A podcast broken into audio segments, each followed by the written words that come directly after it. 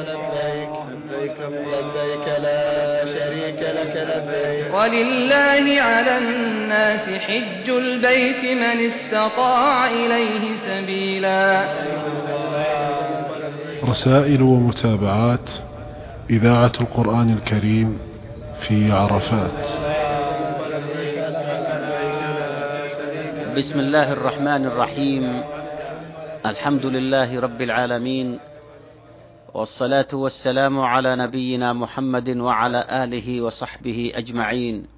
أيها الإخوة المستمعون الكرام نحييكم أجمل تحية عبر هذه الرسالة التي ننقلها لكم من رحاب عرفة الطاهرة في هذا اليوم المشهود حيث حجاج بيت الله الحرام وقد من الله عليهم بالوقوف على صعيد عرفة الطاهر المبارك اقتداء بسنة المصطفى صلى الله عليه وسلم حيث صلوا الظهر والعصر جمع تقديم وقصر يدعون الله عز وجل ويتضرعون إليه بأن يمن عليهم بالقبول وأن يمن عليهم بالعمل الصالح في مثل هذا اليوم الفضيل المبارك.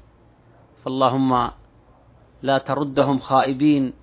اللهم تقبل منهم يا حي يا قيوم. اللهم لا تخيب رجاءهم ورعاهم يا حي يا قيوم. وأتمم عليهم الحج.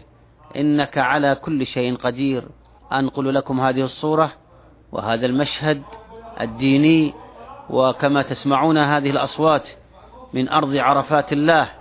الكل هنا جاء لذكر الله ولطاعته فالحمد لله على كل حال. أدعوكم أيها الأحبة لمواصلة متابعة هذه الرسالة وما فيها من لقاءات هنا في عرفات وهناك في مزدلفة وهناك في منى وفي مكة. فاللهم تقبل فأهلا وسهلا بكم.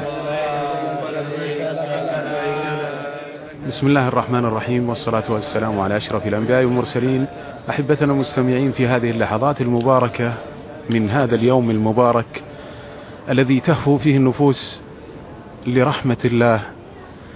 يسرنا أن نستضيف سماحة مفتي عام المملكة العربية السعودية سماحة الشيخ عبد العزيز بن عبد الله آل الشيخ. مرحبا بك سماحة الشيخ. حياكم الله. سماحة الشيخ لو حدثتنا عن استغلال الوقت في يوم عرفة. بسم الله الرحمن الرحيم. الحمد لله رب العالمين. اللهم صل وسلم وبارك على عبدك ورسولك محمد أشرف الأنبياء والمرسلين وعلى آله وعلى صحابته أجمعين وعلى التابعين وتابعيهم بإحسان إلى يوم الدين وبعد. أيها الحجاج الكرام السلام عليكم ورحمة الله وبركاته.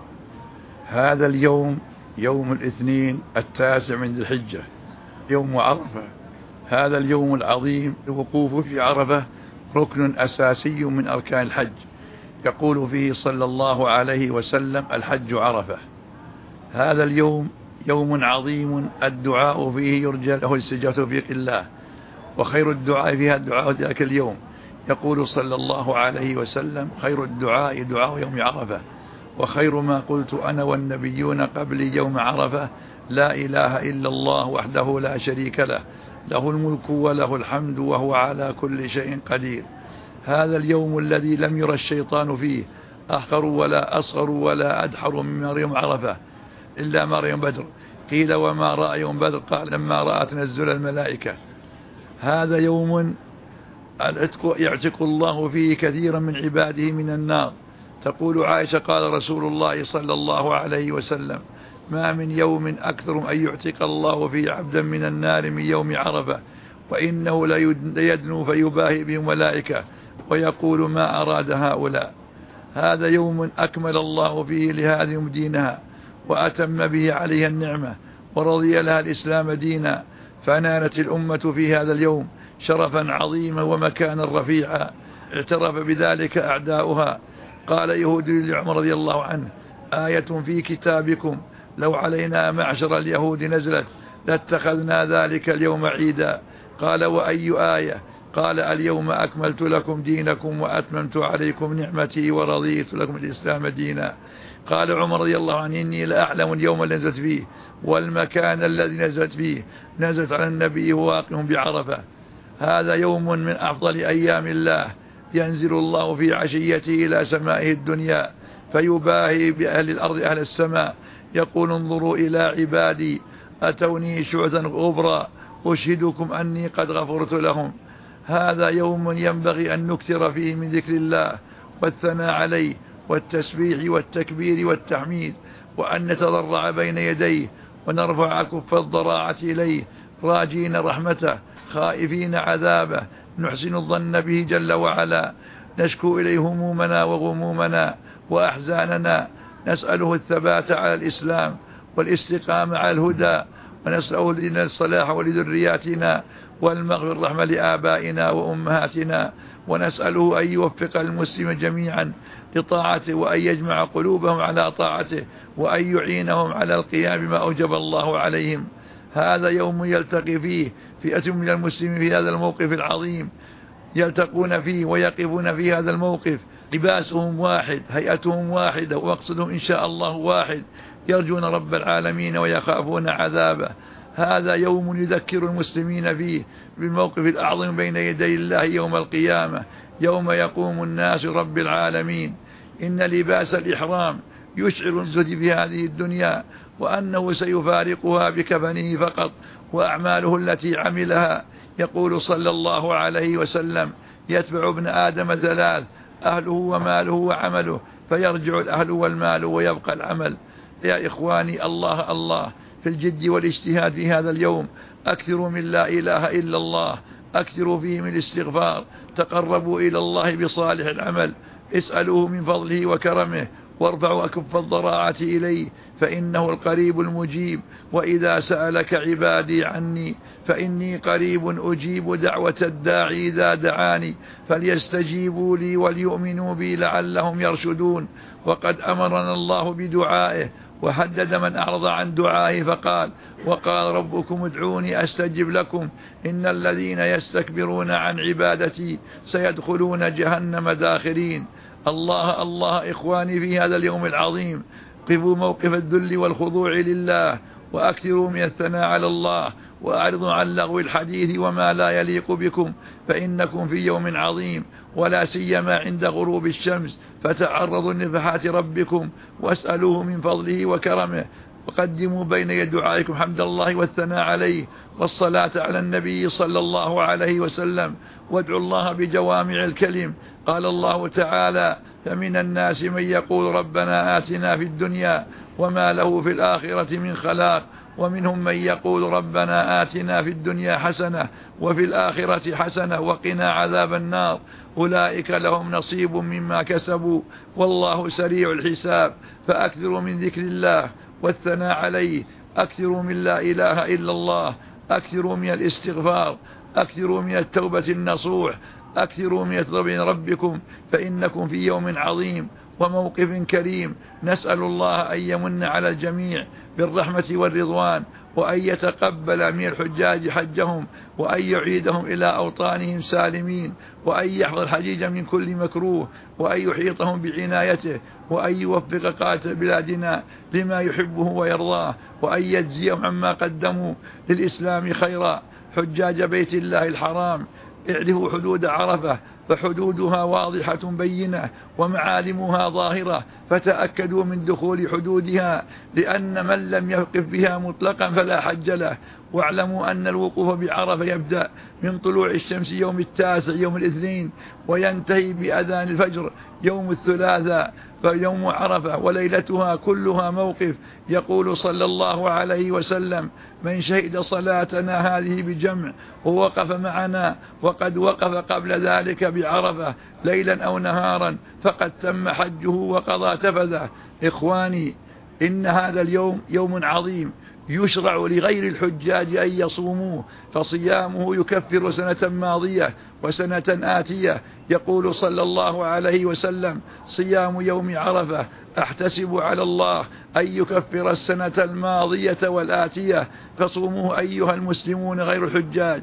تقربوا إلى الله بصيامه. أما الحجاج فيكونون مفترين فيه لأن النبي صلى الله عليه وسلم لما أشكل على الصحابة أمر صيام يوم عرفة إذ هو كان يصومه بالمدينة أرسلت إليه أم الفضل قدحا من لبن فشربه والناس ينظرون فدل على استحباب الفطر للواقف عرفة واستحباب الصيام لغير الحجاج نسأل الله أن يعيد أمثاله عينه عليكم بالعزة والكرامة. أسأل الله أن يجعل حجا مبرورا وسعيا مشكورا وذنبا مغفورا. ربنا تقبل منا إنك أنت السميع العليم وتب علينا إنك أنت التواب الرحيم. وصلى الله وسلم وبارك على خير خلقه وأمينه على وحيه. محمد بن عبد الله. والسلام عليكم ورحمة الله وبركاته. شكر الله لكم سماحة الشيخ عبد العزيز على هذه الكلمة. نسأل الله أن يقبل منا ومنك ومن جميع الحجاج. لا زلنا معكم أيها الأحبة ومع هذه الرسالة اليومية التي ننقلها لكم من المشاعر المقدسة. ونرحب بضيوفنا الكرام عبر هذه الرسالة. في هذه اللحظات المباركة من يوم عرفة نستضيف فضيلة الشيخ عبد الله بن عبد الرحمن التويجري عضو الإفتاء. مرحبا بك فضيلة الشيخ.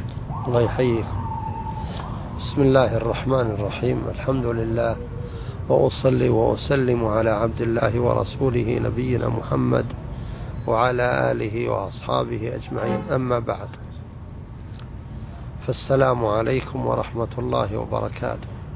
خير ما نتحدث عنه في هذا اليوم هو الدعاء.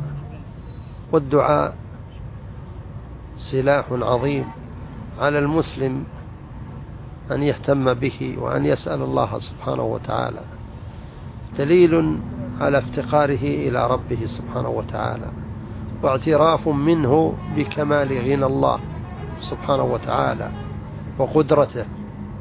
واعتراف من العبد بعجزه وأنه ضعيف وأنه لا حول له ولا قوة إلا بالله سبحانه وتعالى. القرآن والسنة مليئان بالأدعية. ومن أهم الأدعية الأدعية التي فيها الإخلاص. دعاء الإخلاص بأن يكون عمل الإنسان خالصا خالصا لوجهه. الرسول صلى الله عليه وسلم يقول لمعاذ إني لأحبك. فلا تدعن أن تقول دبر كل صلاة اللهم أعني على ذكرك وشكرك وحسن عبادتك. حسن العبادة هي الإخلاص. وهذا يقال في دبر كل صلاة يعني في آخرها قبل التسليم لأن دبر الشيء من الشيء. وليس معناه أن يقولها إذا سلم يقال هذا الدعاء قبل التسليم. اللهم أعني على ذكرك وشكرك وحسن عبادتك. اللهم اجعل عملي خالصا صوابا. هذا دعاء عظيم. اللهم أصلح نيتي وذريتي. اللهم أصلح قلبي وعملي. كثيرا ما أسمع الشيخ باز يغفر الله له. إذا قيل له ادع لي يا شيخ قال اللهم أصلح قلبه وعمله. أو اللهم أصلح قلبك وعملك. هذا دعاء عظيم. إذا صلح القلب والعمل فقد فاز الإنسان. يستعيذ بالله من الشرك الذي يعلمه والذي لا يعلمه. اللهم إني أعوذ بك أن أشرك بك شيئا وأنا أعلمه وأستغفرك لما لا أعلمه. ومن الأدعية الدعاء للوالدين في هذا المكان في يوم عرفة سواء أهل عرفة ولا غير أهل عرفة. يوم عرفة المهم أن ندعو في هذا اليوم. سواء كنا حجاج أو غير حجاج. الدعاء للوالدين رب ارحمهما كما ربياني صغيرا. ولننتبه إلى كل أدعية القرآن تصدر بربنا. هذا دعاء يدعو يسأل الله. ما جاء في القرآن يا ربي يا ربي بل جاء ربنا. وهذا دليل على قرب الله سبحانه وتعالى أن الله قريب. وإن كان بعيد مستوٍ على عرشه بائن من خلقه ليس كمثله شيء وهو السميع البصير إلا إنه قريب من عباده يسمع يبصر معنا بعلمه سبحانه وتعالى. إنني معكما أسمع وأرى. رب ارحمهما كما ربياني صغيرا. قال بعض المفسرين صغيرة هذه الكلمة تحمل معنى عظيم. تذكر الولد بما كان الوالدان يعملان معه وهو صغير فالأم حملته في بطنها ومع الولادة آلام وأوجاع وبعد ذلك تربية وإرضاع وهي, وهي مع ذلك تزيل الأذى عنه وتغسل ثيابه ووالده يذهب به إلى الطبيب ويأتي له بالطعام والشراب. ولو ترك وحده لمات كما ربياني صغيرا.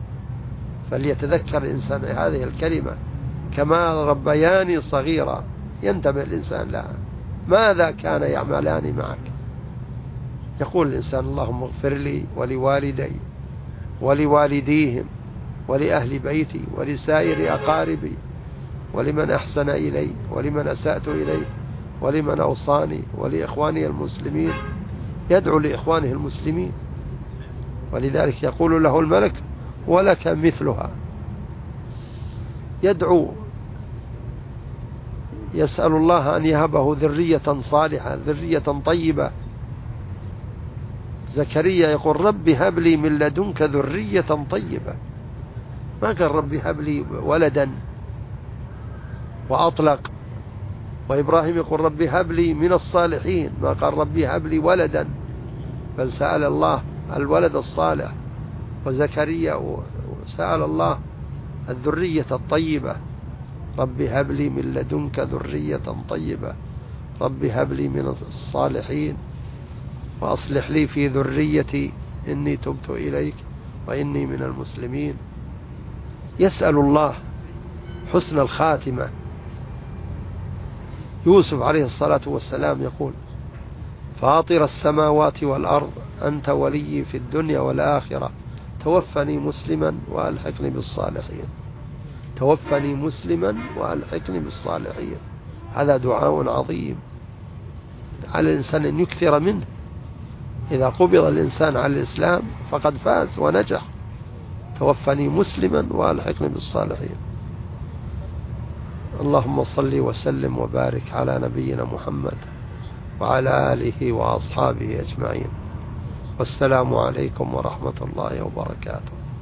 كان هذا هو فضيلة الشيخ عبد الله بن عبد الرحمن التويجري عضو الإفتاء من عرفة. لازلنا معكم أيها الأحبة ومع هذه الرسالة اليومية التي ننقلها لكم من المشاعر المقدسة ونرحب بضيوفنا الكرام عبر هذه الرسالة. وفي هذا اللقاء معنا فضيلة الدكتور حمد بن إبراهيم الحيدري عضو هيئة التدريس بكلية الشريعة بجامعة الإمام بالرياض. مرحبا بك فضيلة الشيخ. أهلا وسهلا حياكم الله وحيا الإخوة المستمعين. فضيلة الدكتور حمد في مثل هذا اليوم من أيام الحج يوم عرفة وفي المطاف وفي الجمرات وغيرها من المواطن تكثر الزحام فما هو توجيهك للحجاج؟ بسم الله الرحمن الرحيم. الحمد لله رب العالمين. وصلى الله وسلم وبارك على نبينا محمد وعلى آله وأصحابه أجمعين. في هذا الموسم العظيم في الحقيقة أذكر إخواني الحجاج أنهم أتوا لمقصد عظيم.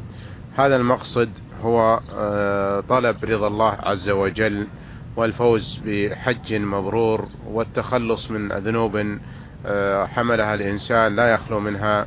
بشر كما قال ربنا عز وجل في مقاصد الحجاج يا أيها الذين آمنوا لا تحلوا شعائر الله ولا الشهر الحرام ولا الهدي ولا القلائد ولا آمين البيت الحرام. ماذا يريدون؟ يبتغون فضلا من ربهم ورضوانا. والنبي صلى الله عليه وسلم يقول والحج المبرور ليس له جزاء إلا الجنة. ويقول صلى الله عليه وسلم من حج فلم يرفث ولم يفسق رجع من ذنوبه كيوم ولدته أمه.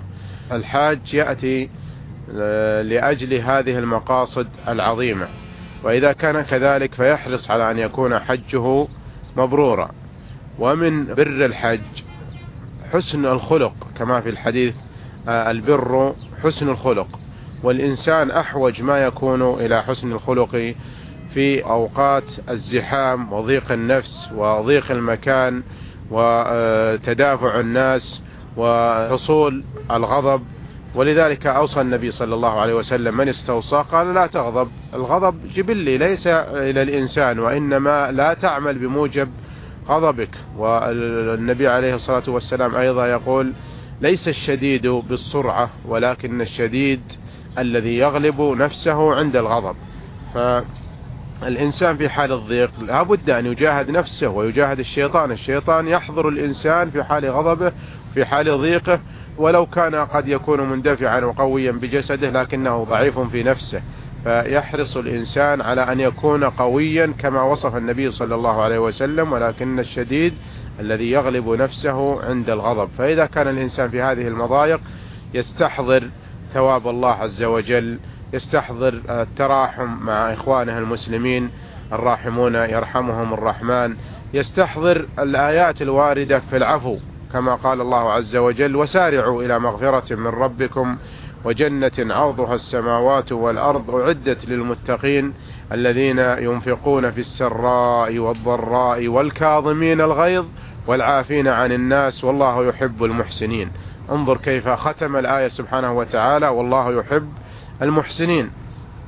إحسان إلى الناس بالمال الذين ينفقون في السراء والضراء وإحسان إلى الناس بالخلق والكاظمين الغيظ والعافين عن الناس.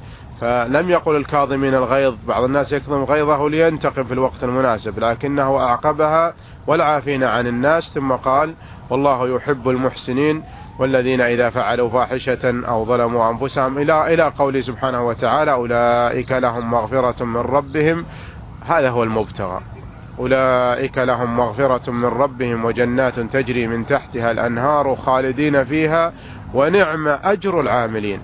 فأنا أوصي إخواني باستحضار هذه المعاني استحضار العفو استحضار التراحم استحضار الهدف الذي من أجله قدم الحاج إلى بيت الله سبحانه وتعالى والهدف الأسمى من ذلك وهو الفوز برضوان الله سبحانه وتعالى. المسلم يقتدي برسول الله صلى الله عليه وسلم الذي عفى عن قومه وبأصحاب رسول الله صلى الله عليه وسلم.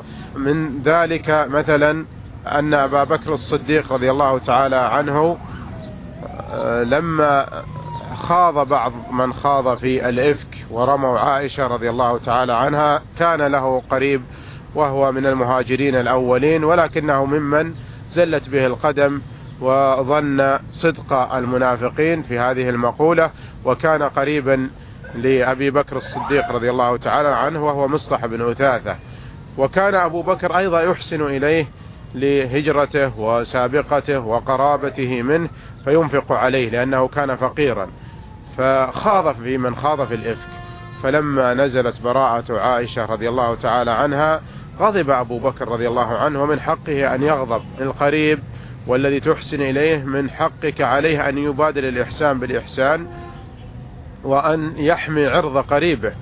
فحلف أبو بكر رضي الله عنه أن لا ينفق على مصطح جزاء ما أساء إليه بالخوض مع من خاض. فماذا أنزل الله عز وجل؟ قال سبحانه وتعالى ولا يأتل أولو الفضل منكم والسعة أن يؤتوا أولي القربى والمساكين والمهاجرين في سبيل الله وليعفوا وليصفحوا وليعفوا وليصفحوا. ألا تحبون أن يغفر الله لكم؟ والله غفور رحيم. قال أبو بكر رضي الله عنه وكان قد حلف. بلى والله أحب أن يغفر الله لي. فأكفر عن يمينه وعاد النفقة إلى مصطح رضي الله تعالى عنهما.